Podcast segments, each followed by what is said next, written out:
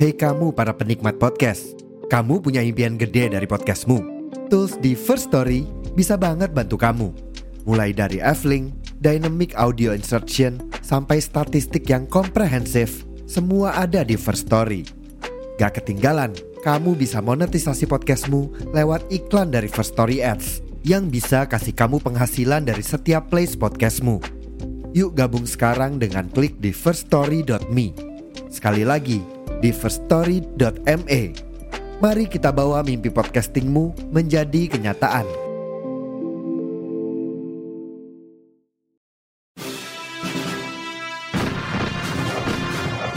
Saya berbicara di sini sebagai penyambung lidah rakyat Indonesia.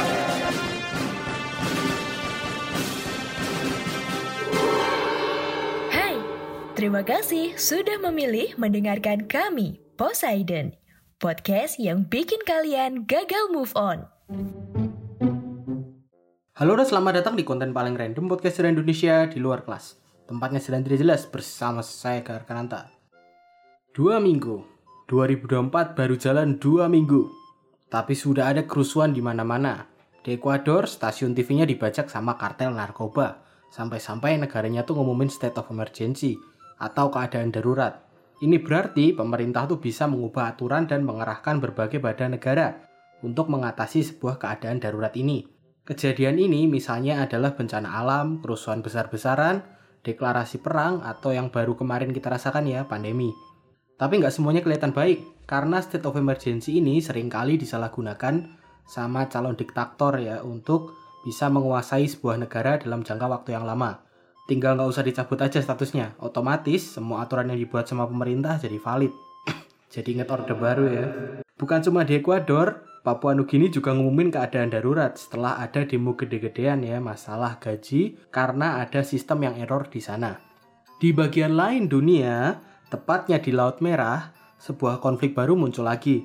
Setelah dari bulan November, kapal-kapal dagang yang lewat Laut Merah ini tuh diserang sama kelompok Houthi dari Yaman, akhirnya Amerika Serikat dan kawan-kawannya nih mulai nyerang balik markas-markas militer Houthi yang ada di negara Yaman. Ya benar sekali mereka udah nyerang dari November dengan alasan supaya suplai ke Israel ini tuh terganggu dan supaya serangan ke Gaza itu bisa berhenti. Niatnya bagus sih, tapi beri-beri tapi narasinya nggak cuma berhenti di situ. Jadi buat kalian yang cuma tahu sampai di situ silahkan dengarkan penjelasan berikut ini. Sistem kapal dagang itu sangat rumit.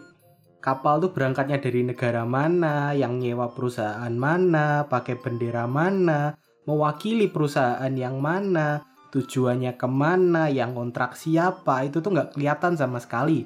Kecuali kalian tuh buka berkas yang mereka bawa. Jadi, serangan Houthi buat kapal yang tujuannya ke Israel kemarin itu juga termasuknya random ya. Mereka juga nggak bener-bener tahu apakah itu ada kaitannya sama Israel apa enggak.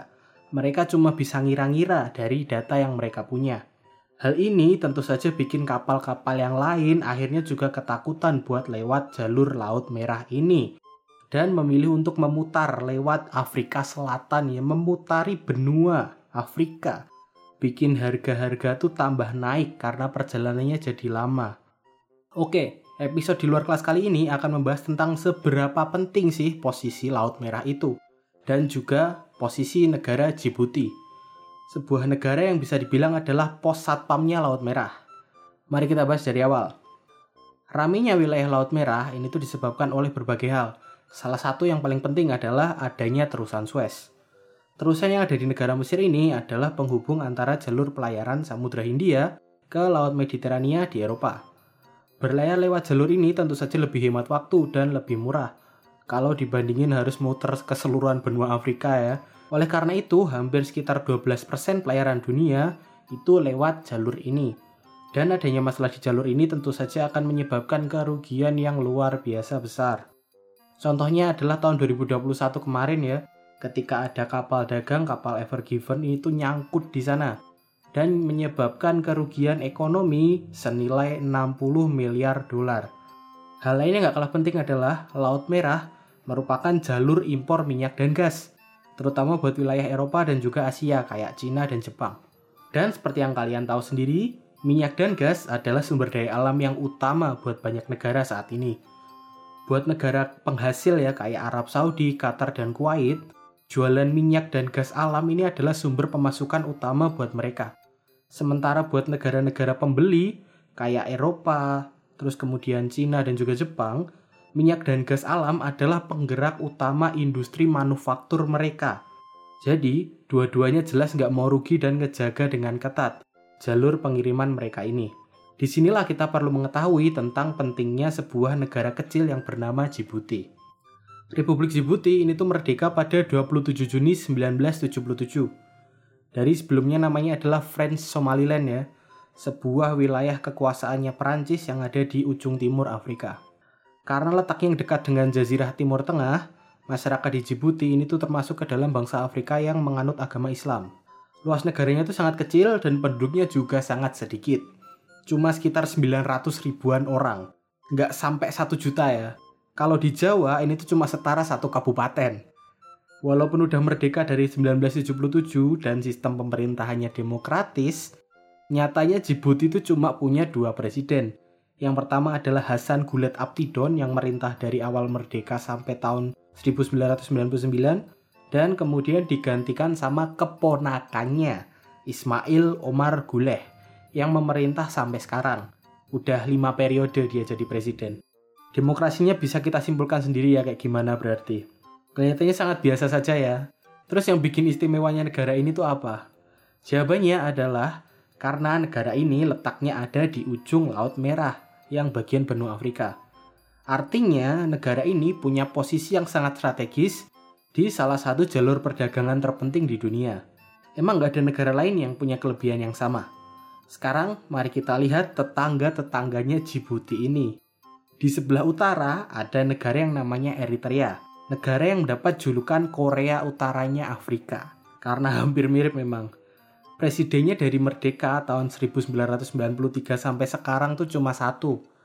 Militer adalah segala-galanya di sana semua laki-laki ini tuh wajib militer ya mulai dari umur 18 sampai umur 30 atau bahkan 40 tahun.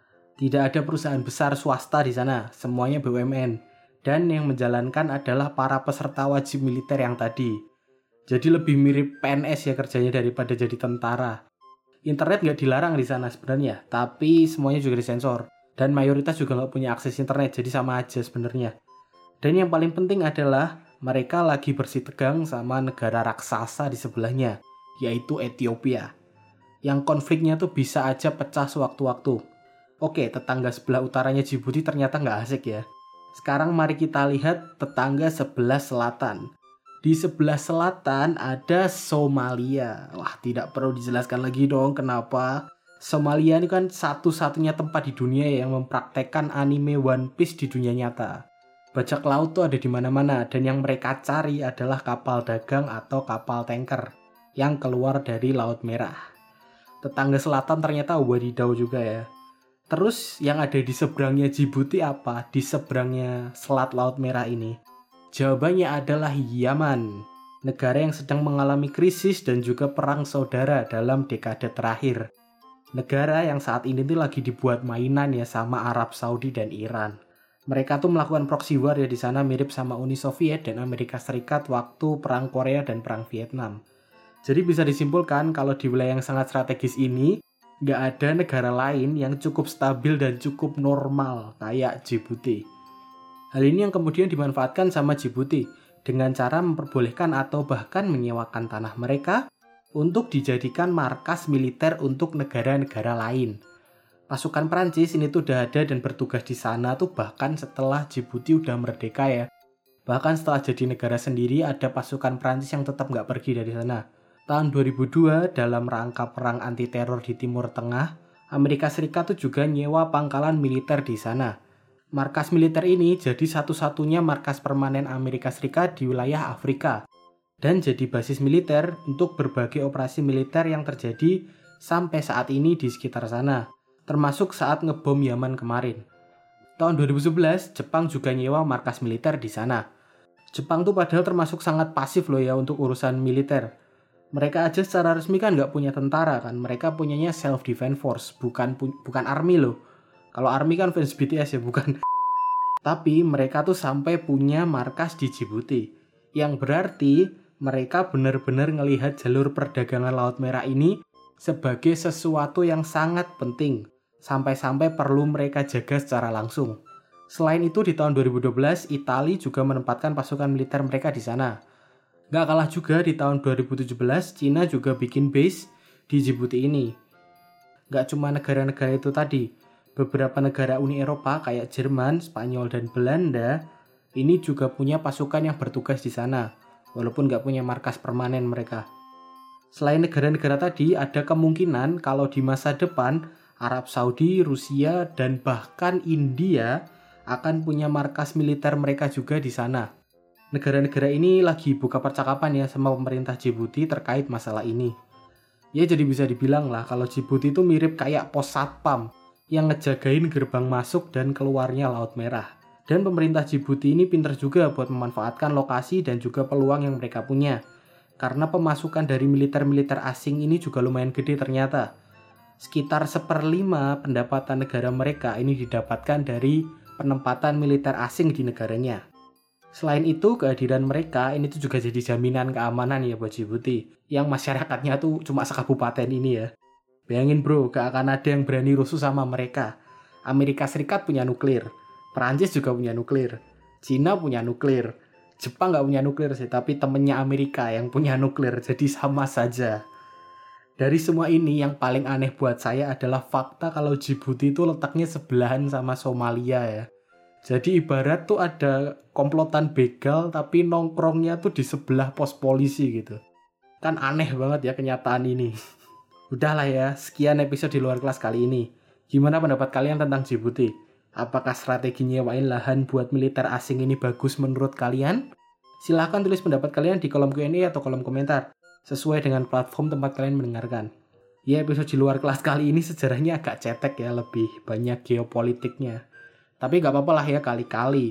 Informasi kayak gini kan juga cukup penting gitu buat kita ketahui ya. Seenggaknya kalau harga tiba-tiba naik tuh kalian tahu lah salah satu alasannya mungkin apa. Terima kasih udah dengerin sampai habis.